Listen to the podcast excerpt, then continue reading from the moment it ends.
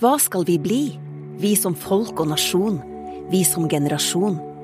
I ei tid full av utfordringer, men òg muligheter, la oss bli de som tok ansvar og styring, som skapte nye bransjer og næringer, som oppfylte håpet om bærekraftig vekst, som ville noe nytt, noe bedre, noe mer. NHH vil noe mer.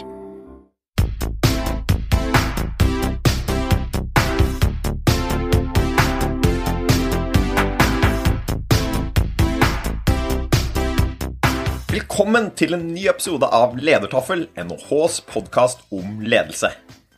I denne podkasten kaster vi et blikk på aktuelle tema innen organisasjon og ledelse. Vi diskuterer hva forskningen sier, og vi kommer med noen av våre tanker om hva ledere kan gjøre annerledes for å lykkes der de er.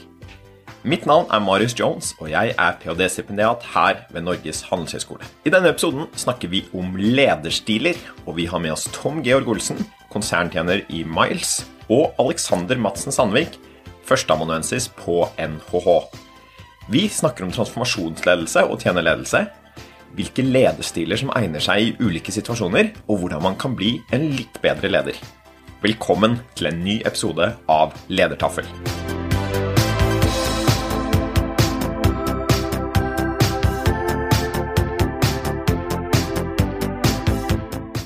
Da snakker vi om lederstiler, og med meg så har jeg Tom Georg Olsen, som er konserntjener i IT-konsulentselskapet Miles. Så velkommen til deg. Takk for det. Og så har jeg med meg Alexander Madsen Sandvik, som er førsteamanuensis på NHH. Velkommen til deg også, Alexander.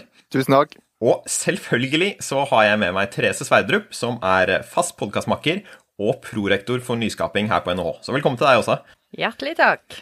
Vi eh, skal jo da snakke om lederstiler i, i, dag, og om vi egentlig blir bedre ledere av at det nå finnes så veldig mange ulike lederstiler å eh, velge mellom. Og det finnes da en sånn rekke forskjellige lederstiler. Det er i hvert fall beskrevet, det har mange navn på lederstiler, som autentisk ledelse, etisk ledelse, shared leadership, transaksjonsledelse. Og så skal vi da særlig fokusere på to lederstiler i dag, som er transformasjonsledelse og tjenerledelse. Og så tenker jeg vi kan begynne med deg, Aleksander. Vi, vi, skal um, egentlig spørre deg om hvordan ledere da, som ønsker å utøve godt lederskap, skal forholde seg til denne her, på en måte jungelen av begreper. Det er mange ord. Hvordan er det man skal forholde seg til det som leder? Jeg tenker med en gang to ting. da, Det første er at mange ledere jeg snakker med, de, det er ikke alltid at de har tenkt på hvilken lederstil eller hva de gjør. At de mer har en tanke om en måte, en slags filosofi de har funnet seg. da. Men det jeg tenker med vi kan bidra med, det er det at vi har et rammeverk. En forenkling av noen måter å gjøre det på da, som vi har undersøkt empirisk, eller vi har undersøkt og prøver å finne effekten av det, sånn at vi kan hjelpe folk til å rydde litt og forstå da denne forskjellen. Og Da er det jo veldig mange begreper, men det har vært også en historisk utvikling. sånn at på en eller annen måte så er det ikke så forskjellig. Mange av de har egentlig utviklet seg i mer videre forstand. Ja, for Hvis det er én ting som jeg føler jeg har lært av å ta en doktorgrad og lese mye litt om forskjellig forskning, er jo at under mange ulike navn så skjuler det seg ofte mye av det samme innholdet.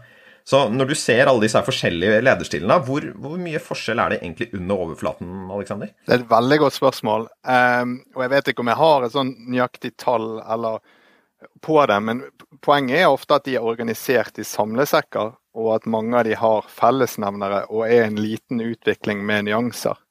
Uh, men mange av disse hovedteoriene er ofte og er ment å være da, forskjellige, og at de har en forskjellig tvist, selv om de kommer fra en annen utvikling. Da. Så ikke sånn utrolig konkret, eh, det kommer an på hva man sitter opp, men generelt da, så kan man fort tenke seg sånn to, tre, fire forskjellige stiler, så er det ofte eh, er det gode forskjeller innenfor de. da. Og så kan man hive ut 20-30 forskjellige ting, men man blir ikke nødvendigvis så mye klokere. Vi kan jo bli konkrete på litt flere måter her, da, men en måte å gjøre det på er jo å spørre deg, da, Tom Georg, som faktisk skal være leder og utøve lederskap i det daglige. Hvordan er det du forholder deg til at det er så mange forskjellige begreper å velge mellom her? Nei, det er som i sikkert alle andre fagområder, så leser du masse forskjellig, og så forsøker du å å trekke ut og se hva som sitter igjen hos deg sjøl, og så passer egentlig deg sjøl som person. Ehm, men det er samtidig viktig, og har i hvert fall vært viktig for meg å lese meg opp på en del ting som, som, som gjør at jeg kan bli mer bevisst på det. Og Det som jeg syns skiller seg mye, det er jo i disse forskjellige Du nevnte jo noen av disse lederstil, og det finnes jo en del andre også, som handler om mer sånn medarbeiderorienterte lederstiler. Og, og, og det, det, morsomme er jo at uh, mye av dette tok jo fart på slutten av 70-tallet, begynnelsen av 80-tallet. Uh, man har fått, uh, om vi ikke skal si en slags renessanse, i forhold til at vi har fått et arbeidsmarked der de færreste Nå skal ikke bli arrogant i forhold til de som er arbeidsledige, og sånn, men de, de, færreste frykter for jobben sin. Og nå holder jeg også pandemien utenfor. De har, de, veldig mange arbeidstakere i dag har helt klare, reelle alternativer. Eh, og Det gjør at man må jobbe med medarbeiderne på en litt annen måte. Eh, og Jeg henter mye inspirasjon fra frivillige organisasjoner. Eh, der de vet at hvis ikke du håndterer de frivillige på en ordentlig måte, vel, så møter ikke du opp på neste dugnad, for å si det sånn. Og jeg tror at man tjener mye på å tenke sånn også med medarbeidere, at man behandler dem på sånn måte at man tenker at de kan rett og slett gå, gå ut døren i morgen hvis ikke de eh, trives i organisasjonen. Og Vi skal jo zoome inn på to lederstiler som, som, er ganske medarbeiderorienterte. og Det er dette med transformasjonsledelse og tjene ledelse. Og Alexander, du skrev din doktorgrad på transformasjonsledelse. Vil du si litt om hva du legger i det begrepet? Transformasjonsledelse er jo egentlig det å jobbe etter bedriftens mål. Og det vil si da en leder som prøver å formidle hva, hva disse målene er, men på en veldig sånn følelsesmessig og inspirerende måte. Så det vil si at du da bruker på en måte deg selv som et uh, forbilde. Du presenterer gjerne en idealisert visjon, altså et ønske om en fremtidig tilstand, der du prøver å appellere og få med deg de du leder, på en veldig sånn inspirerende og god måte. Og Tanken er jo at du henger opp denne visjonen på en litt sånn meningsdannende, altså meningsfull måte, sånn at du ser verdien utover gjerne det målet. da, Gjerne i en litt sånn større sammenheng. Og eh, Det fungerer nok best hvis dette passer også med dine egne idealer for hvordan du ser for deg at du har lyst til å bidra innad i en organisasjon. Er det noe i ordet det transformere når du skal være transformasjonsleder? Hva er det egentlig du prøver å transformere? En ting som er i hvert fall viktig å legge merke til, er jo det at det blir at måten de oppfatter lederen på, altså det blir medarbeiderens øyne. Og Da handler jo egentlig denne transformasjonen egentlig om dette å få til forbindelsen egentlig fra lederen ned til medarbeideren, og at man blir enig liksom om hva, hva, denne fremtiden skal være, hva denne reisen skal gå ut på. For å nå da bedriftens mål. Eh, det kan jo være sånn som Torgeo sa, gjerne altså, i en, i en eh, hjelpeorganisasjon så kan dette målet være veldig da eh, på en måte å hjelpe andre eller ha en større betydning i en større sammenheng. og Det kan man også få til i egentlig alle typer organisasjoner og selskaper. Eh, men det er da en reise som lederen må formidle ned til medarbeideren. Gjerne med litt sånn å bruke litt sånn karismatiske virkemidler og prøve å sitte dette opp i en sånn eh, Noe som er en sånn noe sånn inspirerende, da, og noe som gjør at du har lyst til å være med. Og Vi skal jo snakke om denne her litt opp mot den andre lederstilen som vi skal inn på, som, som er blitt en del forsket på nå eh, i nyere tid. og Det er jo dette med tjene ledelse, eller servant leadership. Og du Therese, du har jo forsket en del på det. Vil du si litt om hva slags lederstil det er, og hvordan det kanskje skiller seg fra transformasjonsledelse? Det kan jeg gjerne. Og, og, det er jo noe med at jeg ble litt sånn hengt opp i sted med denne reisen på disse lederstilene. Bare for å dra litt sånn historiske linjer. Sant? Så var det gjerne sånn at når man begynte å forske på ledelse, så var man veldig opptatt av denne personen, lederen. Er det noen The Great Man Theory, som var veldig opptatt av at har de noen trekk og noen egenskaper som gjør at de eh, egner seg bedre som leder enn andre. Og så sa Tom Georg det at på 70-80-tallet så begynte man å se mer på denne medarbeiderrelasjonen. At eh, ja, medarbeiderne er viktig, det er en situasjon de står i, og at lederen må tilpasse seg det. Og så kom vel transformasjonsledelse da på, på 80-tallet ca. og ga et svar på at OK, vi ser at medarbeidere er viktig, men vi ser også at noe utover det med, med et mål og, og, noe å peke på der ute som kan være eh, ja, ambisiøst og bli en lederstjerne som vi kan bli litt trigget av, er viktig. Og så litt sånn under radaren. Tjenende ledelse oppsto egentlig av en som heter Robert Greenleaf på 70-tallet. Han hadde jobbet da i ATNT, eh, som en veldig sånn teknologiorientert bedrift, og utviklet en mer en filosofi på sine senere år, der han sa det at eh, en god leder er en servant, eller en tjener, først og fremst. Det vil si, en leder skal tjene sine folk. Eh, denne som sagt gikk litt under radaren. Transformasjonsledelse fikk veldig sånn stor oppmerksomhet i ledelseslitteraturen. Og så ser man nå de siste vil si faktisk siste fem-seks årene at det har tatt litt av sånn i akademisk sammenheng. I den forstand at nå har vi fått en måte å måle begrepet på. Og en forståelse av at det å tenke på å lede medarbeidere gjennom at de skal sitte settes foran seg selv, og at det ikke er lederen og den karismaen lederen skal ha, men at det er de ansatte i organisasjonen som er det viktige, det passer veldig godt med det, det moderne arbeidslivet. Og Det er derfor jeg tror denne her tjene lederstil har fått en veldig sånn eh, god resonans der ute. da. Og som du sier, vi har prøvd å forske litt på dette. Vi har, eh, ja, Aleksander er faktisk med på denne artikkelen vi holder på å skrive i disse dager om, om tjene ledelse. Og, og, det interessante er jo at uh, den koker ned da, til syv dimensjoner, rett og slett. Uh, skal ikke komme inn på alle her og nå, men, men, det handler først og fremst om en opplevelse av at uh, ansatte settes først. Lederen er ikke den som er den viktige. Og Grunnen til at jeg har invitert med Tom Georg på denne podkasten, er jo at når vi begynte å forske på Miles i, i en tid tilbake Tom Georg har jo vært innom i en episode tidligere og snakket om verdibasert ledelse. Det er litt sånn kjært barn har mange navn så presenterte jo Tom Georg seg som en som eh, kjente seg godt igjen i transformasjonsledelse. Og så sa vi til han det at eh, ja, det kan vi se. Vi synes ikke det er noe for så vidt feil i det. Men når vi kikker i ledelseslitteraturen, så kjenner vi veldig godt igjen dette med tjenende ledelse det at uh, For det første, når Tom Georg spøkte, med at ja, hei, hei, mitt navn er Tom Georg Olsen, jeg er daglig tjener i Miles. Det var før han ble konserntjener, så det høres jo enda mer fint ut, da. Men, men det med at ansatte settes først, det at du har um, etisk atferd, det at du ønsker å få ansatte til å lykkes og utvikle seg selv, det med myndiggjøring, det er veldig viktige bestanddeler av eh, tjeneledelse.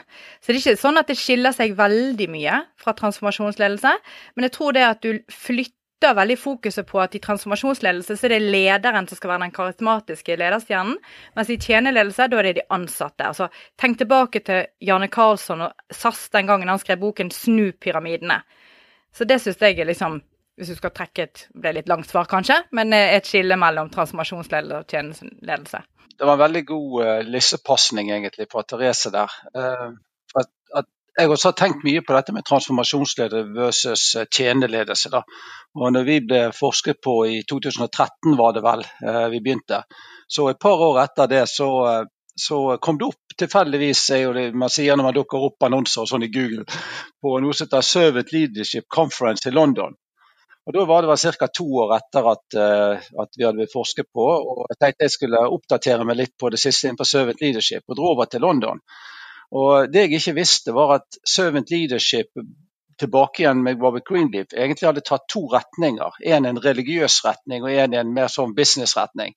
Og Denne konferansen i, i, London der det var stort sett nonner i salen og, og uh, klosterleder som snakket og sånt, det ble på at jeg er jo agnostiker, så jeg liksom litt, følte meg litt sånn uh, feil plassert. da. Uh, men det endte jo med at vi, vi tok det litt morsomt med han lederen der borte. Eh, jeg er blitt en god venn av meg. Og så sa han det at jo, du har helt rett, dette er det nå, men vi ønsker å gå i businessretning. Så hvis du kan komme igjen til neste år og holde foredrag for oss, så, eh, så, har vi en plan. Så det gjorde jeg da. Men, men det som jeg bare har lyst til å kommentere kjapt på forskjellen mellom dem, for det er noe jeg har reflektert ganske mye over for å finne også min egen rolle. Og eh, Det er helt riktig som det påpekt her, både for Alexander og Therese, at transformasjonsledelse, han, der, der står lederen veldig sentralt. Og, og, spesielt dette med i forhold til å få folk til å bli inspirert og engasjert mot ditt felles mål. Og, og, I transformasjonsordet så ligger jo også det å gå fra et sted i dag til et annet sted i morgen spesielt. Der du skal både få folk til å forstå bakgrunnen for endringen, men også få lyst til å være med på denne reisen som det heter. Eh, tjeneledelse handler nok enda mer om å få til dette gjennom medarbeiderne. Det er veldig sånn, eh, jeg vil nesten si at tjene ledelse enda mer tillitsbasert. for du, du, tenker sånn at du skal støtte, utvikle medarbeiderne, men under en slags psykologisk kontrakt om at de ikke bare går liksom eh, min utvikling, meg selv, med den selvledelse, som ikke jeg liker så veldig godt, den selfie-type retorikken, men faktisk til at de skal tenke til hva som er det beste for organisasjonen. Så istedenfor at du som servant leader da kommuniserer det hele tiden, så, så ligger det underforstått at du har medarbeidere som tenker helhet og underbygger helhet i, sine, i sin atferd.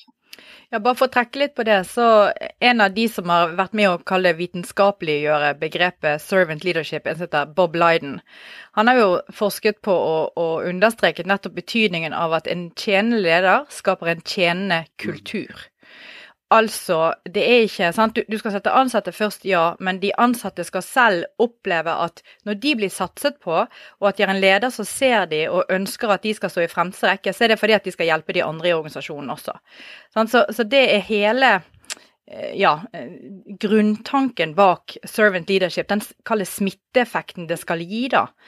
Og, og jeg, jeg syns jo òg en annen leder i, i sånn nasjonal sammenheng som kanskje noen har hørt om, eh, jeg husker ikke helt om vi har snakket om han i en podkast tidligere, men en som heter Per Bleikelia, som eh, sykehusdirektør på Østlandet, eh, tidligere er politiutdannet.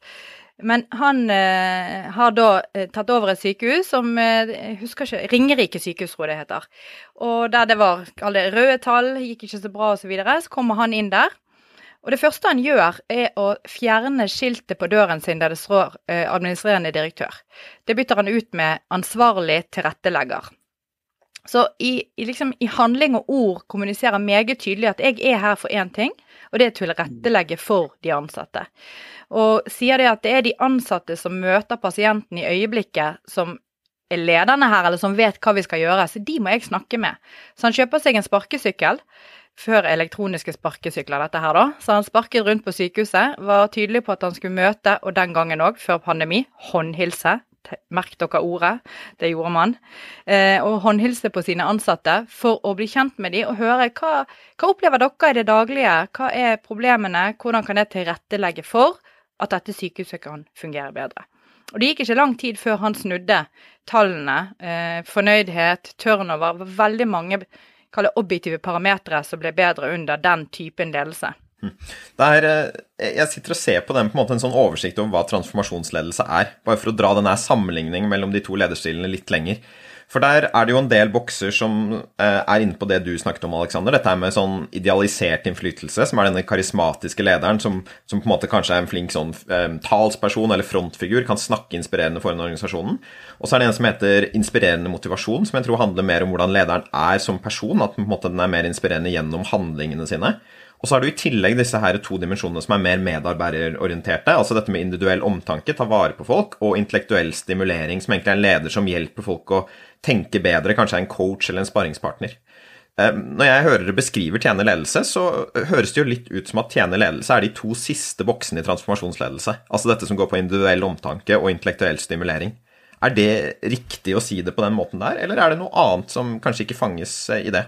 Tom Georg, du kan kjøre først. Ja, um, det er faktisk en av de tingene som ofte blir, i hvert fall tidlig før man har lest seg ordentlig opp på det, blir uh, kritisert i forhold til tjeneledelse. At det er en slags sånn nesten uh, at du fratrer som leder, abdiserer som leder, og du bare er opptatt av medarbeiderne dine. Um, hvis man går litt dypere i prinsippene rundt servant leadership, så ser man at det å sette retning er faktisk også en prinsipp i, i servant leadership. Og det, det, er litt sånn underkommunisert i selve ordet. Så, så for min del så, så, føler jeg at jeg har, liksom, jeg har snakket så mye om tjenende ledelse at jeg føler at det ordet i seg selv kanskje ikke underbygger det jeg egentlig tror på, men mer i retning av tillitsbasert ledelse. Eh, noe av den kritikken som også er kommet opp mot tjenende ledelse, det er at du må faktisk være en ganske bevisst og kanskje til og med sterk leder for å utøve det. For Hvis ikke så kan du nesten umyndiggjøre deg sjøl. Og Noen har jo også hevdet at det kan føre til det man kaller for primadonnaskap, eller primadonnaship. Eh, så, så er det er viktig å finne balanse der. Det er noen fallgruver med tjenende ledelse som bl.a. har ført til at vi er veldig bevisst når vi rekrutterer mennesker som på en måte kan la seg glede på den måten, uten å hvis jeg skal si det, utnytte det. Og bare bli selvsentrert. Skjønner, for Når du sier primadonna der, så er det da ikke at lederen blir primadonna, men at medarbeiderne kan bli det? da? Ja, helt riktig. Alexander, du hadde du også en kommentar på denne forskjellen mellom tjenerledelse og transformasjonsledelse? Ja, jeg opplever egentlig at det står veldig sterkt at i transformasjonsledelse så jobber du etter bedriftens mål, mens jeg opplever at i større grad at tjenende ledelse sitter mye mer medarbeideren i fokus. Og Spesielt kanskje det da på å utvikle, og gjerne formål også til å tjene ledelse med at du skal få den medarbeideren du leder også til å tjene andre igjen. Altså Sentralt i teorien er at du gjerne ta på deg en større samfunnsrolle, eller at du, du, kan gjøre nytte det for deg også utenfor jobbkonteksten som ligger som også en del av teorien. Eh, og Det gjør egentlig at jeg opplever egentlig at tjeneløse spiller på kanskje litt andre typer motivasjon også hos medarbeideren. At Den spiller mer på denne prososiale motivasjonen, det med å hjelpe andre og være til nytte for andre. Mens jeg opplever at egentlig transformasjonsløse blir litt denne sånn som stordelen som hiver seg ut, skaper en sånn setting rundt det å jobbe på et hotell. Sant? Og få folk med på en reise om at her, altså inspirere sånn veldig gjennom indre motivasjoner. I en egentlig jobb som kanskje ikke er så indre motiverende, hvis du skjønner. Så du får ansatte til å oppleve at, at, ved å være en del av denne arbeidsplassen, så, eh, så, så, kan vi på en måte Vi trenger noe som driver oss veldig, da, med sånn energipress som gjerne ligger litt i dette med karisma og blir en del av historien. Eh, sånn at tjeneledelse opplever vil mer være det å få frem denne meningsfulle betydningen av å bety noe for andre og spille en større rolle i en sammenheng. Da. Eh, sånn, at, sånn sett så er de ganske forskjellige, med at da transformasjon går mer mot et mål i organisasjonen, mens tjener mer fokus på denne utviklingskomponenten betyr noe, det prososiale. Alexander er helt rett hvis du har behov for å skille de veldig tydelig. Så, så det Alexander sier helt rett. Men jeg føler at tjenende ledelse bygger på en slags gjensidig avtale eller kontrakt eller forventning om at jeg tjener deg forutsatt at du ikke bare tenker på deg sjøl. Det ligger en slags sånn psykologisk kontrakt som jeg vet Therese er veldig glad i å snakke om. Eh, det ligger, på, det ligger på en måte i basis for det. Hvis du utløver tjenende ledelse mot folk som er veldig egosentriske, så tror jeg det kan gå riktig gale. Og så har jeg lyst til å bare legge inn en siste dimensjon til slutt, eh, eller perspektiv. da. Det er at jeg tror ikke det er sånn enten-eller. Jeg tror i en organisasjon så er det sånn at eh, i, i forhold til topp, en toppleder, så tror jeg at han må ha en sterkere grad av transformasjonsledelse. Mens når du kommer på mellomledernivå, så tror jeg at du har en sterkere grad av tjeneledelse. Og at de to i kombinasjon med hverandre vil gi en veldig styrke. Vi har jo noen resultater fra forskningen der de har sammenlignet sant? det å drive transformasjonsledelse etisk ledelse, autentisk ledelse og tjeneledelse. Hva fungerer best? Det er jo nydelig når man kan gjøre forskning der man eh, undersøker det vi kaller eh, noen avhengige variabler. Sant? Hva bidrar disse, tjener, disse lederstilene med ut mot hvordan ansatte gjør det på jobb? Eh, og det denne studien eh, som jeg refererer til, som sjekker de her fire lederstilene finner, det er at tjeneledelse bidrar med 12% økt forklart ledereffektivitet utover transformasjonsledelse. Så det er noen sånne harde tall, da, på, basert på det som vi kaller ledereffektivitet, om ansatte eh, gjør det bedre eller opplever det å være bedre i organisasjonen. Det er det ene som er interessant med den studien. Det andre som er interessant med studien, er at eh, man, man, sliter jo kanskje å skille de her stilene fra hverandre. Eh, og i de fire stilene, altså autentisk, etisk ledelse, ligner mer på transformasjonsledelse, finner de. Mens tjeneledelse og transformasjonsledelse er de to som skiller seg mest fra hverandre når man sammenligner de fire lederstilene. Så det er bare litt sånn harde tall på, på akkurat effektene av de her ulike lederstilene som jeg tenkte jeg bare ville bringe inn. Jeg ville også bare bringe inn egentlig at eh, nå som vi liksom har stått i en krise og vi har hatt eh, en koronasituasjon, så vil jeg også bare bringe inn at transformasjonsledelse også er da en lederstil som er veldig ofte trukket frem i krisesituasjoner, nettopp fordi at det er behov for at en leder eh, trår frem og gir et bilde på den krevende situasjonen man kanskje står i, og kan vise en vei ut av krisen og en måte å håndtere det på. Og vise til gjerne en fremtid hvor man har kommet over denne krisen og hva som kan skje etterpå. Da. så Sånn sett så er jo det et bilde på, på mange av disse talene vi har sett både fra ulike landledere på hvordan man skal håndtere koronasituasjonen, og også hvordan, eh, hvordan det skal bli etterpå og hvilke virkemidler og hvordan vi kan jobbe oss gjennom det. Nå f.eks. med vaksinasjon og når vi kan håpe å åpne opp igjen. Og være en sånn ganske tydelig kommentator, eh, i det bildet. Um, og da ser vi at ofte de som er best og som er mest effektive, er de som gjerne har mest troverdighet og klarer å formidle det bildet. Så Det er også en sånn veldig krevende ting med transformasjonsledelse, at du må klare å formidle den historien som du skal få folk med på, og at det kan være en krevende bit. Og Det tror jeg også er noe av utfordringen i det Therese tar opp da, med studier også. det er det at når du blander veldig mange studier og målinger av ulike ledere, så varierer det nok i hvilken grad de klarer å få folk med på denne historien. Og det er nok ikke for alle, og det er også noe man må trene seg i og utvikle og bli mye bedre på. Og Det gjør egentlig at transformasjonsledelse er en ganske krevende lederstil i hverdagen. Ehm, det er jo et uttrykk som jeg ikke er sikker på om det er akademisk eh, forankret, men, men jeg snakker gjerne om situasjonsbestemt ledelse. Og Jeg tror det er sånn, eh, mer sånn light begrep mer enn det er en, eh, en prinsipper bak. Jeg vet ikke, du rister på hodet, Therese. Ja, det, det, er absolutt en forsket på lederstil. Og Hersey og Blanchard er det kanskje noen lyttere som har hørt om. De er veldig tydelige på hva situasjonsbestemt ledelse er for noe. Så det, det er absolutt et uh, akademisk begrep. Men ja, men på, tusen takk. Det er så herlig å lære underveis her. Men i hvert fall den situasjonsbestemte ledelsen, den, den handler jo litt om å hvis Vi snakker ofte om det med å ha en verktøykasse. Sant? Men jeg har egentlig erfart som leder gjennom mange, flere tiår nå at Eh, det er ikke bare sånn en verktøykasse som en tømrer har. Av og til føler jeg meg har verktøykasse til en tømrer, til en rørlegger og til en taktekker. Eh, I forhold til den enkelte situasjonen. Og jeg tror litt av det der med å, å være interessert i ledelse og forstå det at OK, eh, når du skal lede en del mennesker Jeg pleier, ofte å snakke om teamledelse versus jeg si, normal personalledelse. at i, i, når du, når du, skal lede få mennesker, så må du nesten kunne det kompetanseområdet som de behersker. Du trenger ikke være den beste i gruppen eller i teamet, men du må liksom kunne fagområdet. Du skal jo lede 10 mennesker, 15 mennesker, eller sånn flere av lederne våre 30-40 mennesker. Eh, så har du på en måte tatt et nytt fagområde, nemlig ledelse. Det spiller ingen rolle hva du ellers har, men ledelse er blitt et nytt fagområde. Og Det betyr at du må, du må du må på en måte dressere deg innenfor det fagområdet på samme måte som du vil på hvilket som helst annet fagområde. Og Det betyr at du må lese deg opp på forskjellige ting. og Det er først når du erverver den kunnskapen at du finner din plass i den. Og da blir, da, Jeg føler på mange måter at situasjonsbestemt ledelse er en sånn nesten en sånn siste eh, si, eh, fase du kommer i. Der du har både erfaring, du har, du har kunnskap, og, eh, og, du på en måte har funnet deg sjøl oppi det.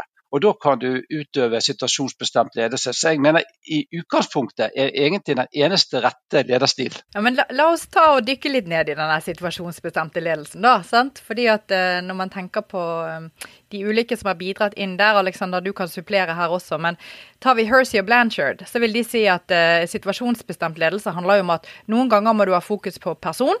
Og noen ganger må du ha fokus på situasjon. Altså pandemi, sterk situasjonsfokus, men vi må også ha personfokus. Sant? Fordi at man vet ikke om de som sitter hjemme trives eller ikke. Men er det selvgående og folk har det bra som de har det, så kan du ha mindre fokus på person, og du kan heller jobbe med situasjonen. Så det, det, det den sier, er at du regulerer avhengig av hva, hvor krevende er det å stå i, og hvor mye støtte trenger medarbeiderne. Og dette vil avhenge av er det en krevende situasjon, verdenssituasjon som vi står i nå? Er bedriften i en krevende situasjon? Er dine medarbeidere i en krevende situasjon, personlig eller i teamet osv.? Så, videre? så skal du hele tiden kalle det overvåke og tilpasse deg. Men, men det å drive situasjonsbestemt handler jo, ut ifra det jeg sier nå, sier jo bare at du må forstå om du skal fokusere på person eller situasjon, hvordan du gjør det, hvordan du kommuniserer. Hvordan du, da kan man igjen trekke inn kall det tjeneledelse og transformasjonsledelse på om det er viktig å peke på mål, eller å, å sette ansatte først, drive med utvikling. sant? Så det er jo denne kombinasjonen igjen da, som, som jeg tenker er, er liksom bevisstgjøringen og refleksjonen man må ha med seg. Jeg tenker For å stille et spørsmål videre på dette her, så lurer jeg litt på om når du skal drive situasjonsbestemt ledelse, om du også skal tenke på hvem du selv er oppi dette. For sånn som jeg skjønner den Hershey Blanchard-modellen, så sier jo den at det er situasjonen og dine medarbeidere som bestemmer eh, hvordan du skal lede. Og det er jo litt som du sier her, Tom Georg, at kanskje det er forskjellig om du er toppleder eller mellomleder. Alexander sier at det avhenger om er vi i en krisesituasjon eller ikke krise. Det bør det være faktorer som spiller inn. Men hvem du er, er litt sånn irrelevant. Og så samtidig så eh, snakket vi jo litt innledningsvis om at det å bli en god leder handler litt om å finne sin stil også. At du skal ikke være en helt sånn sosial kameleon heller, på en måte, som bare endrer deg etter, etter vinden som leder. Så, så, hva tenker dere om dette her? Når ledere skal tenke ut hvilken stil skal jeg bruke, bør de da se til situasjonen, eller bør de prøve å finne noe som passer den de er som, som menneske? Ja, mange av disse lederutviklingsprogrammene eh, handler jo mye om dette med å å gå inn i seg sjøl. Uh, hvem man er, hva man tror på, hva verdier man har. Og Det er ikke uten grunn at disse, mange av disse programmene uh, så ender man opp med å gråte på skulderen til hverandre. Man endelig finner ut hvor ille man er og hvor dårlig leder man er. ikke sant? Og Jeg holder jo foredrag på noen ut av det. Jeg kommer, på det ene programmet så kommer jeg inn i slutten av første uken. Da er det grått hele uken. og Så kommer jeg inn og løfter de før de til helg. Det er sikkert varierende hell. Men, men, et uttrykk som jeg liker veldig godt, og som, eh, som, jeg vet at dere kjenner til for Jeg tror jeg hørte det på en podkast, og det er ikke så mange år siden jeg hørte det. Men det er noe av det fineste man kan fokusere på, det er å kjenne deg eh, og se deg sjøl utenfra og se andre innenfra. Og jeg synes det er utrolig både poetisk og, og, og klokt uttrykk. For det som vi ofte tenker, det er at jeg må bli kjent med meg sjøl. Men, men det, og det er jo selvfølgelig ganske besnærende tanke, det å, å kjenne seg sjøl. Det har vi jo alle godt av. Men i en lederrolle så er det kanskje enda viktigere å se hvordan ser du ut fra utsiden. Og, og jeg må si at eh, jeg syns det er noe av det vanskeligste. For jo, jo, mer markant man blir som leder, og jo lenger man har vært leder, jo vanskeligere er det å få de tilbakemeldingene. Eh, for det folk er jo, i hvert fall jeg kjenner, folk er stort sett hyggelige. Sant? Og, Hvis det er noe som gjør at du skaper en utrygghet, eller et sånt, så, så får du ikke det nødvendigvis veldig tydelig. Og, og Der tror jeg også det ligger noe liksom i motsatsen til transformasjonsledelse, som ofte da er transaksjonsledelse. Altså det der med eh, og, det, og det er ikke bare å se seg utenfra, men da tenker jeg hva er det som driver på en måte ledelse innad i en organisasjon? For det er klart at leder har ett fokus, men du har jo også et annet fokus i form av IT-systemer, et styringssystem, et målesystem. Og, og der er jo utfordringen hvis, hvis leder blir på en måte litt mindre synlig. Og disse målene, og det blir at dette bare blir transaksjonelt, og du opplever kanskje at du skal rapportere mye, og at du har en ganske sånn satt hverdag. Du har, for hvis du har mye rutinearbeid, og Da er det jo veldig lett at det blir veldig sånn eh, transaksjonsorientert, og at du bare skal levere. Eh, og at du mister litt av denne historien om gjerne hvorfor du er der og hva du skal oppnå. Og disse tankene om en større sammenheng. Også det du, du tar opp da, Torgeir, til å få, få, frem og få formidle, som du også er opptatt i lederutvikling. da. Eh, sånn at Det er jo en fare hvis du ikke klarer å få frem de her tankene i ideene. Og Det tror jeg også det er litt som ligger i det situasjonsbestemte. at Eh, hvis du ikke har erfaring, eller eh, hvis du har mindre erfaring, så trenger du mye mer styring. Mye mer sånn direkte ledelse. og Det er det samme du har i systemet, egentlig. Men etter hvert som du da kan drive seg selv og få mer tillit, eh, så er det mye mer rom til å, å, å, slippe opp og gi deg opp. Det er det disse situasjonsbestemte teoriene sier. Men det, der klarte jo ikke han altså Bernard Bass, som kom med transformasjonsessay, han var, Hans hovedveileder het Fleischmann, og kommer egentlig fra dette med oppgave og relasjon og disse tankene. Sånn at Den er ganske vid, denne transformasjonslederen. Den har i både relasjon og oppgave, egentlig. Den ser på alt dette som litt en prosess. da. Du skal både sitte målet og være, ha gode relasjoner og bygge støtte, men samtidig få frem denne følelsesmessige historien oppå systemer og alt som skjer, og pakke det inn og klare å bety noe i en større sammenheng. Ja, bare for å ta tak i akkurat det med transaksjonelle og transformasjonsledelse. da, fordi Der sier du litt at de kanskje står i kontrast til hverandre. Alexander. Og så har jeg også inntrykk fra en del studier at det er en ganske høy korrelasjon mellom de to innad i ledere. Sånn at de lederne som driver mye transformasjonsledelse, er også gode på det transaksjonelle. Og Når man sier det transaksjonelle, så er det jo på en måte litt disse kanskje mer kontraktfestede tingene. Altså at jeg som leder gir deg lønn, og du får noen betingelser mot at du gjør de tingene jeg sier. Og det jeg har inntrykk av at Bass og, og, de som har kommet med transformasjonsledelse, sier, er at transformasjonsledelse må bygge på et godt fundament av transaksjonsledelse i bunn. Så du må ha det transaksjonelle i bunnen i orden, og da funker transformasjonsledelse noe, noe, i tillegg. Men at det fundamentet faktisk må være der da, for at transformasjonsledelse skal fungere i, i, tillegg. Så kan du si litt, Alexander, om disse to stilene er på en måte motsatser, eller om du tenker mer at de er komplementære? Det man i hvert fall håper på, tror jeg, det er jo liksom det at man bruker elementene fra transformasjonsledelse oftere, oftere og i større grad enn disse transaksjonselementene. Så man kan ha det andre bunn, men hovedpoenget er egentlig at man da prøver liksom at eh, det er historien og det er meningsdannende, at det får en større sammenheng og betydning. Altså at det har mer vekt da, i andres oppfattelse av deg som leder, enn det transaksjonelle. Så utfordringen er da hvis det er det transaksjonelle som spiller i, i, fokus. Da. Men det er ikke noe feil, og det er helt riktig at hvis man undersøker data på dette, så i, i hvert fall i norsk sammenheng, så skårer denne betinget belønning, som man heter, denne avklaring bytteforholdet, nesten like høyt som transformasjonsløse. Rett og slett fordi at det å sitte mål, gi folk tilbakemeldinger på hvordan de presterer, det er veldig effektivt, og det er ofte god ledelse. Ja, jeg ser for meg Hvis man tar fra, med seg da, fra en diskusjon på transformasjonsledelse at her skal jeg være mer inspirerende, når du ikke har på en måte fair arbeidskontrakter, så tror jeg du gjør noe helt feil som, som leder også. At dette, det må faktisk være på plass der. da, og at Hvis på en måte du ikke har en rettferdig avtale med medarbeiderne dine, så hjelper det ikke noe å være mer motiverende på en måte, eller mer karismatisk på scenen. da, Sånn som jeg tolker dette. Det tror jeg er veldig godt poeng, og det tror jeg også du er inne på noe av kjernen også med å være det er jo det egentlig nesten er autentisk, men altså sant, at, det, at, du klarer å kommunisere at det henger sammen og at dette gir, gir, mening. Vi ser voldsomme reaksjoner hvis man er karismatisk og det ikke henger sammen og det ikke er en rød tråd. Ja, En av de tingene som, eh, som jeg eh, kom til å tenke på, det gjelder også forskjell mellom transformasjonsledelse og, og tjenerledelse, hvis vi setter litt, litt opp mot hverandre, er, er, på mange måter det at, at den transformasjonslederen eh, han er ikke så avhengig av å kjenne hver enkelt person.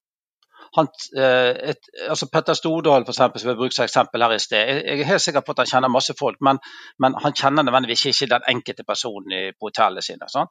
Men han, han, kjenner på en måte tankegangen eller miljøet eller kulturen eh, på et overordnet nivå.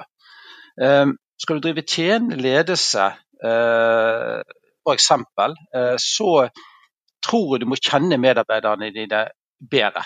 For Det det, det handler om, det, det som i hvert fall jeg tror på, det er at, at medarbeidere eller ansatte eller mennesker generelt eh, yter bedre, gjør bedre prestasjoner når det treffer deres indre motivasjon.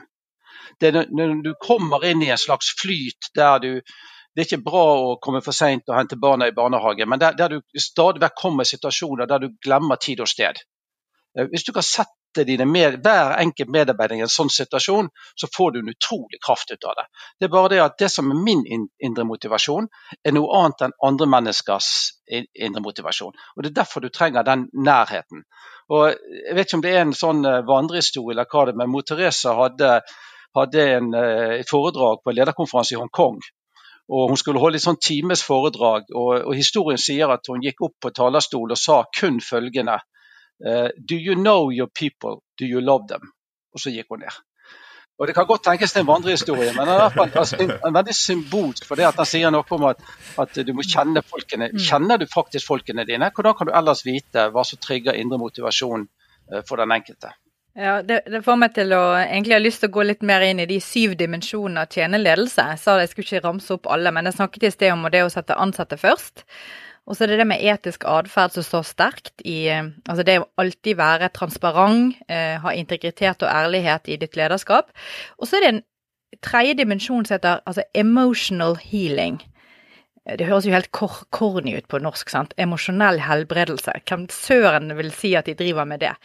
Men det det egentlig sier, er at du skal være så tett på dine medarbeidere at de kan komme til deg når de har kall det personlige problemer. Fordi at, som Tom Georg sier, det der å være i flytsonen og, og, få ting til å funke på jobb Av og til så funker det ikke fordi at du har gjerne personlige problemer, det kan være konflikter på jobben. Men det å da kunne komme til sin leder, eh, berette om dette, få hjelp til det, drive med emotional healing, det står faktisk som en av dimensjonene under tjenende ledelse.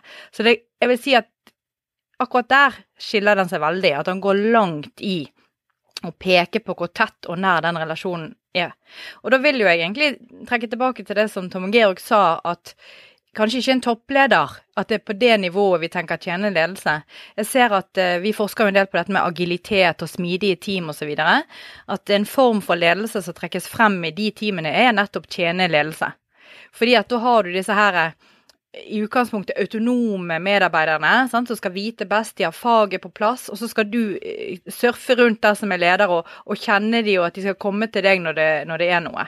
Så jeg tror det er helt berettiget å snakke om på hvilket nivå er det disse ulike stilene passer i, i organisasjonen. Vi skal jo ha en episode snart eh, Marius, der vi skal gå i dybden på mellomlederens rolle. Der vi skal inn Monica Rydland, som har en doktorgrad i det. Så det blir jo spennende å grave enda dypere i, for det har noe å si. Det er ikke bare eh, situasjonen i forhold til medarbeidere og situasjonen, men også hva nivå du er på i organisasjonen. Mm. For å spørre Tom Georg om det, da, for du er jo konserntjener. Og det er inntrykk av at det er på en måte øverste sjef i det selskapet ditt. Og så har du en eh, tjenende lederstil også, eller på en måte prøver å ha det. Det høres i hvert fall ut som det ligger i navnet. Hvem er det da som tar på en måte beslutninger og setter retning der, hvis du skal bruke tid på å være relasjonsorientert og følge opp folk? Ja, Godt spørsmål. Jeg har jo, eh, I hvert av selskapene så er jo det daglig tjener.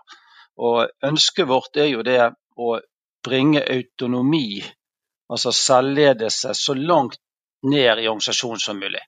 Det betyr jo at uh, våre konsulenter skal i utgangspunktet kunne ta alle beslutninger som berører de selv. Når de skal skifte ut sin PC, når de skal kjøpe ny mobil, når de skal dra og hvor de skal dra på en konferanse. Eh, og til syvende og sist også det siste ordet i forhold til hvilket prosjekt de skal inn i. Eh, og På samme måte så tenker vi med de ledergruppene da, som er i de ulike selskapene, at de skal ta det aller meste av beslutninger. Eh, sånn at jeg føler på mange måter at jeg er mer iverksetter ting som må besluttes, mer enn jeg tar beslutninger. Og så har vi jo styrer i datterselskapene. Det, det, det, er ikke sånn, sånn rett frem intuitivt hva skal jeg si, styringsstruktur på det. Eh, det krever ganske mye si, handlingsrom eller forståelse overfor hverandre på det, hvordan vi kommer frem til beslutninger. Men vi ønsker i utgangspunktet at beslutninger skal, lages, eh, skal gjøres så, så lavt, langt nede i organisasjonen som mulig, for å bruke det begrepet. Eh, og Så kan vi si ok, jo mer autonome man blir, er det i motstrid eller i konflikt med samarbeid, f.eks. Eh, både på tvers av ansatte, men også på tvers av selskapene våre. Sant? Er det sånn at du blir så autonom at du ikke ser eh, på utsiden liksom, eh, hva som finnes der, fordi at du skal liksom beslutte alt selv og drive alt selv. Og Det er en, liksom en sånn balansegang som man hele tiden må passe på. Og Da, er viktig, da kommer vi inn på den nederste biten. eller altså, Man har transformasjon og transaksjon, men så er man også helt nederst i dette hierarkiet. Noe som man kaller for laissez-faire-ledelse, eller ikke-ledelse. Og Det er da ikke det Tom Georg snakker om. Men det er rett og slett en leder da som ikke tar beslutninger, som ikke tar valg, eh, som ikke involverer seg, og bare lar ting styre og gå, og kanskje ofte, ofte har også en god del mer konflikter gående, men klarer ikke å velge side i konflikten eller få de avsluttet. da. Og Den type ledelse det er den, en av de mest sånn solide formene for ledelse som vi vet fører til negative prestasjoner og også har både mye konflikter og lav tilfredshet, eh, og mange slutter rundt. Eh, så det er også noe å være oppmerksom på at eh, den autonomien, og det Tom Georg snakker med autonomi, det er å folk gi folk følelsen av handlingsrom innenfor der det er en ramme av noe. Men ikke det å bare slippe folk løs og la de være helt selvstendige og helt fri, for det er ikke sett på som å være effektivt. Nei, Det er vel det vi kaller la det skure og gå-ledelse på norsk. Eh, og jeg vet jo at vi har et miljø på Universitetet i Bergen som forsker på det som de kaller destruktiv ledelse. Og da er nettopp dette en form for destruktiv ledelse. Så, så det er ikke sånn at vi sier til folk der ute nå eh, fordi at du nå driver du med tjenelighet, så skal du bare være hands off. Overhodet ikke. Men det er jo det å skape, kall det de rammene som de ansatte skal vite at de eh, er innenfor og skal operere innenfor, og ha friheten til det. Det er jo det vi her snakker om. Og jeg var jo inne på disse tre Sant? Ansatte settes først. Etisk atferd, emosjonell helbredelse. Eh, den fjerde dimensjonen i tjeneledelse handler jo om at du skal hjelpe ansatte til å lykkes og utvikle seg hele tiden. Altså det med growth mindset, som kanskje noen kjenner til. Den femte handler om det med myndiggjøring, empowerment, autonomibiten. Den sjette at du tenker på bedriften som noe som skaper verdi for samfunnet. Så det er en veldig eh, utadrettet lederstil i at vi skal ikke bare tenke bunnlinjen for dette selskapet, men hva mer utvikler vi for eh, det større der ute. Og det tenker jo jeg igjen er veldig moderne å tenke den biten i dag med de som tar, har nå tatt inn bærekraftsmålene i sine strategier osv., at man skal ønske å bidra som bedrift til noe større enn seg sjøl. Så det tepper jo rett inn i det. Og så den siste dimensjonen som jeg ville trekke frem fra tjeneledelse, som heter mentalisering. Det er jo evnen ledere har til nettopp å sette mål. Eh, ta fugleperspektivet på hvor står vi i bedriften, hvordan står vi i relasjoner til hverandre, og, og rett og slett tørre å ta de samtalene rundt hvordan fungerer vi? Eh, er det noe vi har å utsette på hverandre? Så, så det er nettopp det at de syv dimensjonene av tjeneledelse er krevende dimensjoner. Det er ikke som at i morgen Ja, i morgen tror jeg skal bli tjeneleder og sette de ansatte først og lene meg tilbake og slappe litt av. Overhodet ikke. Det, når du hører på de dimensjonene der, så er det nok ikke mange du får som scorer høyt på alle de, men, men det å strebe etter eh, å nå noen mål innenfor de dimensjonene, tror jeg du kan komme langt med, da. I, i et sånt type moderne eh, arbeidsliv som vi er i dag, med høyt utdannede medarbeidere. Og jeg tror det som ligger i det siste du sier der, Therese, med et moderne arbeidsliv med høyt utdannede. Vi har jo Siste statistikken jeg så var at det er 30 menn og 34% kvinner som har høyere utdannelse i Norge. Og Hvis du går, går tilbake igjen til, eh, til 1990, noe sånt, så, så var snakket vi om 10-15 Så Det betyr at vi har en helt annen arbeidsstokk i dag enn vi hadde tidligere. Og Derfor synes jeg ofte at at det man snakker om eh, at det ikke er nok med empowerment, altså det å sitte folk i stand til å gjøre ting og oppfordre dem til å ta beslutninger, men vel så mye engagement. Altså få folk virkelig engasjert om noe. Sant? Og Da er vi litt over på denne transformasjonsledelse igjen. Sant? For de er engasjert i noe felles mål, som enten er hvor bedriften skal, eller hva bedriften skal bety for omverdenen. Og så er det en ting som ikke vi har snakket om, som jeg synes også ligger veldig tett opp til det, uten å åpne opp hele den uh, vertikassen eller den døren, uh, er dette med kultur. For en lederstil kan si at, Hva er årsak og virkning her? Sant? Altså Lederstil er også et verktøy. Det er også et verktøy for å skape en kultur. Og, og, og, kultur, eh, Jeg hørte en andre podkasten her dere hadde, jeg tror det var en kriseledelse, snakket om kultur som kollektive vaner. Det, det, er en god definisjon, jeg har ikke hørt den før. Eh, men det er noe med at, at som leder så må du også tenke på hvilken kultur ønsker du. Når du går ut av organisasjonen, hva er det som er igjen? Hvordan er det folk er med hverandre, er med kundene osv. En sånn dimensjon som jeg kanskje vil komme litt sånn tilbake til, da, som jeg syns er litt sånn viktig å svare ut, hvis jeg skal være litt sånn kritisk til disse lederstilene, er jo at virker, ingen av de virker å på en måte fange lederen som en sånn beslutningstaker. Og eh, transformasjonsledelse sier jo litt om på en måte hvordan lederen kan kommunisere retningen på en inspirerende måte, men kanskje ikke hvordan de skal gå frem for å ta gode beslutninger. Og det tenker jeg at mange eh, ledere som sitter og hører på, tenker at det er jo det som er min primære jobb. Altså at jeg skal ta gode beslutninger for virksomheten min. Jeg skal være en strategisk leder som skjønner hva som skjer i omverdenen, og klarer å styre rett, eh, bedriften min i en retning som er hensiktsmessig, da, gitt hvordan verden utvikler seg.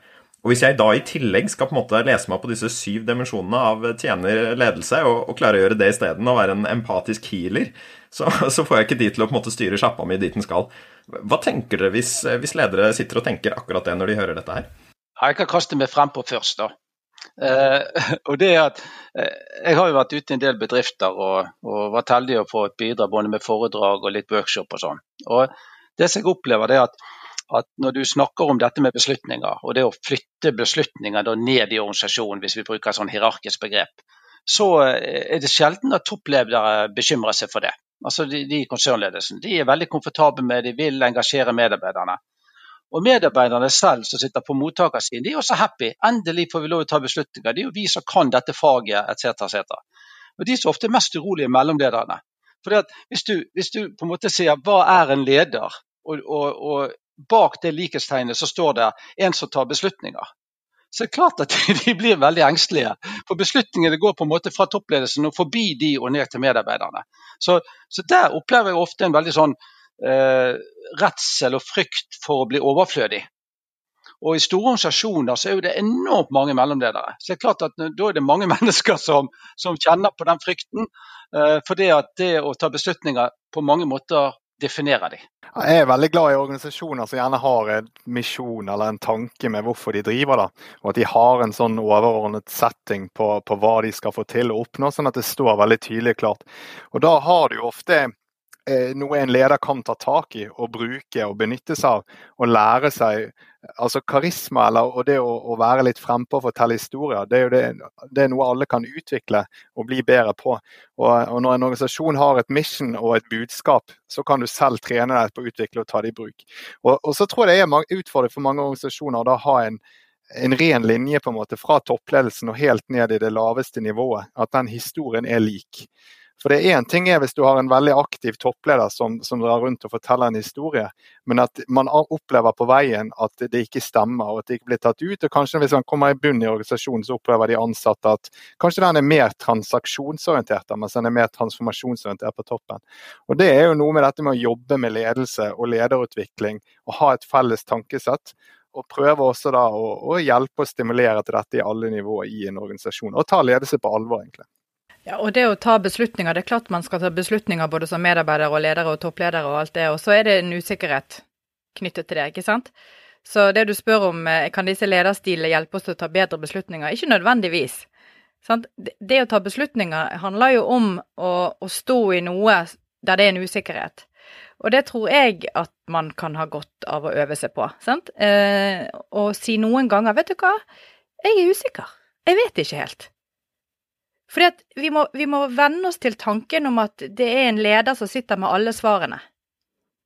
De, de gjør jo som oftest ikke det. I så fall så tror jeg de er litt for cocky. litt for mye selvtillit. Hvis vi snakker om litt komplekse beslutninger som skal tas. Da er jo nettopp det med det kalde moderne arbeidslivet i dag at du skal trekke på, involvere dine medarbeidere, dine overordnede, dine sideordnede, og, og ha en god diskusjon og så lande et sted. Sant? Og og det tror jeg nettopp at hvis du da har Hvis vi går tilbake til kulturbegrepet som Tom Georg brakte opp. Hvis man har den kulturen og får bygget den gjennom Kall det servant culture, der folk bryr seg. Når noen kommer og sier du er litt usikker her, hvordan sant? kan vi jobbe sammen om å, å, komme frem til noe? Det tror jeg er ganske viktig. Men, men vi har jo berørt i egentlig flere episoder, men spesielt en episode om psykologisk trygghet. sant?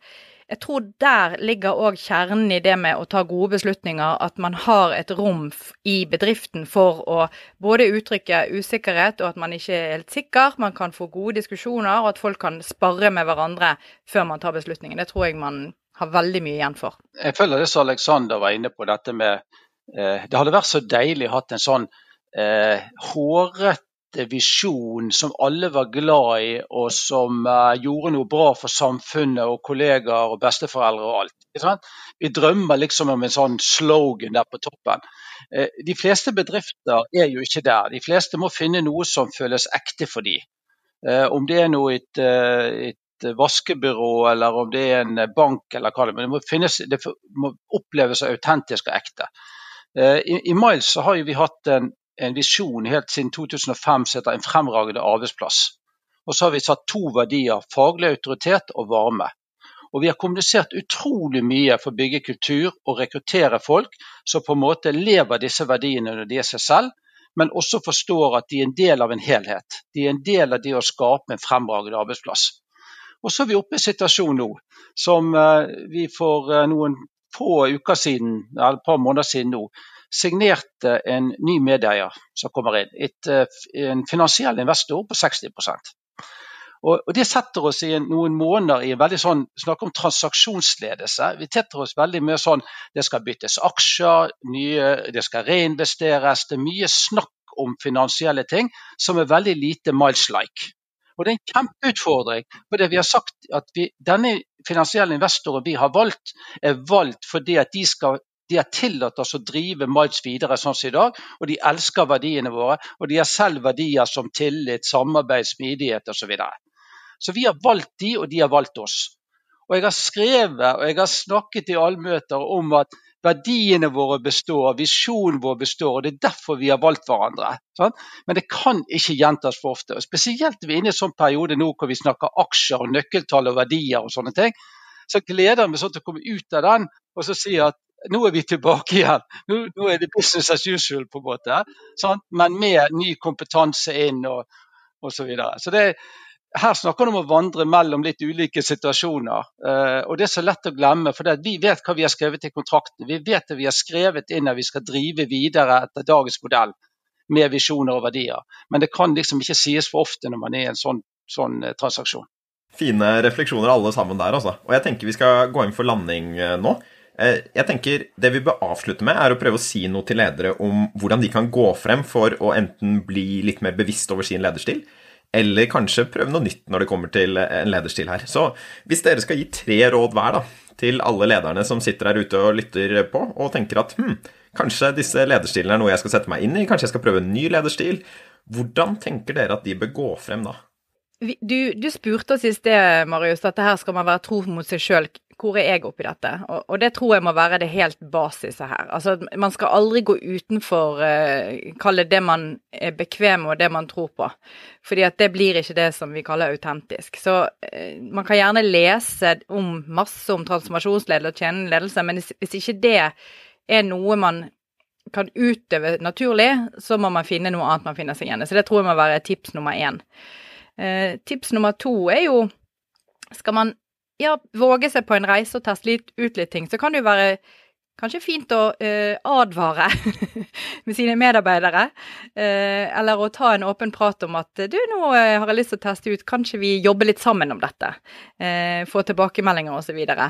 Ehm, skal vi sammen skape noe basert på å, å, gå inn i noe nytt sammen? Jeg tror jeg vil oppfordre til.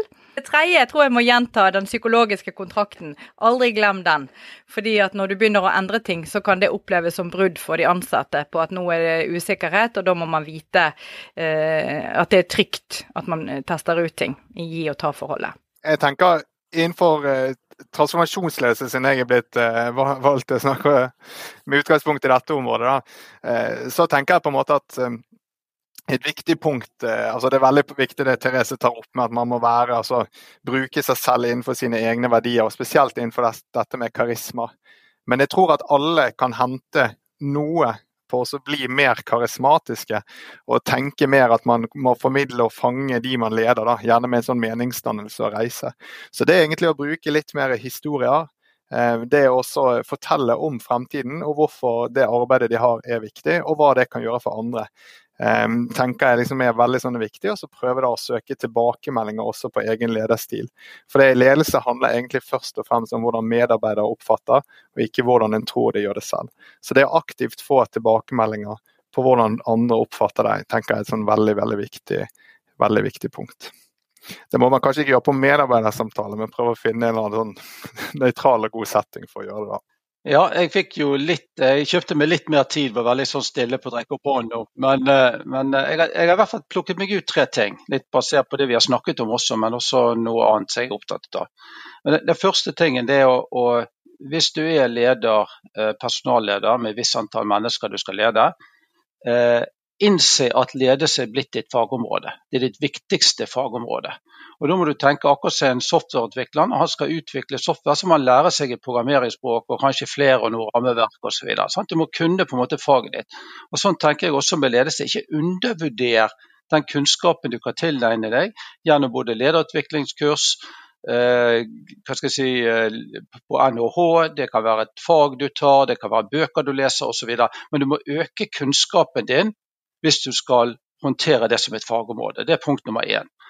Punkt nummer to, eh, dra det litt ned og sier ikke let etter det perfekte. Eh, jeg har vært leder nå i snart 30 år, og jeg syns det blir verre og verre. og Det hørtes så veldig optimistisk ut og motiverende ut. Men, men jo mer du dukker inn under det, så, du, så, ser du etter hvert alle disse unknown unknowns uh, innenfor ledelse. Og, og, Ikke let etter det perfekte, men prøv deg frem. Og når du feiler, innrøm det og si fra. Det betyr ikke at du skal legge deg paddeflat hver eneste dag, for det kan bli litt så slitsomt for organisasjonen. Men i hvert fall si OK, der bommet jeg. Jeg har senest i dag sendt en mail til alle ansatte i Miles og sier at jeg bommet litt på en vurdering jeg gjorde for noen uker tilbake. Uh, og det, det, er det, er sårbarhet som man må, må, tåle hvis man ønsker å være leder. Men det inviterer også andre til også å være sårbare og også til å innrømme feil. Da blir det også en del av kulturen. Og Det siste tingen jeg vil si, det er uh, finn deg en mentor utenfor egen organisasjon. En du kan snakke åpent med. En som ikke møter deg i neste uh, si, konkurranse om en lederstilling internt. Eller som du får vite via bakveien at, at man har snakket om det. En du kan føle deg helt trygg med Eh, og, og når du har funnet deg en mentor, eh, forlat han når det ikke gir noe mer. Eh, ikke ta deg en mentor for 15 år hvis ikke det gir noe fordi du har, føler du har forpliktet deg. Så, så søk en mentor utenfor egen organisasjon, og, men vær kresen på hva en sånn mentor gir deg til enhver tid. Gode, gode innspill og, og, gode tips på slutten her. Og da håper jeg at dette kan være nyttig for alle de lederne som sitter der ute, og kanskje tenke litt på om de skal fundere på, på egen ledestil eh, fremover. Så tusen takk for at dere kom, Tom Georg, Alexander og Therese. Tusen takk. Takk for oss. Takk.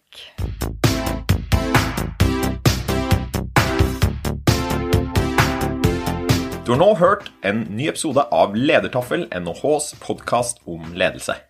I studio i dag var Tom Georg Olsen, Alexander Madsen Sandvik, Therese Sverdrup og jeg, Marius Jones. Om du vil vite mer om hva vi holder på med på Norges handelshøyskole, så finner du oss på nhh.no og ved å søke på NHH på Facebook.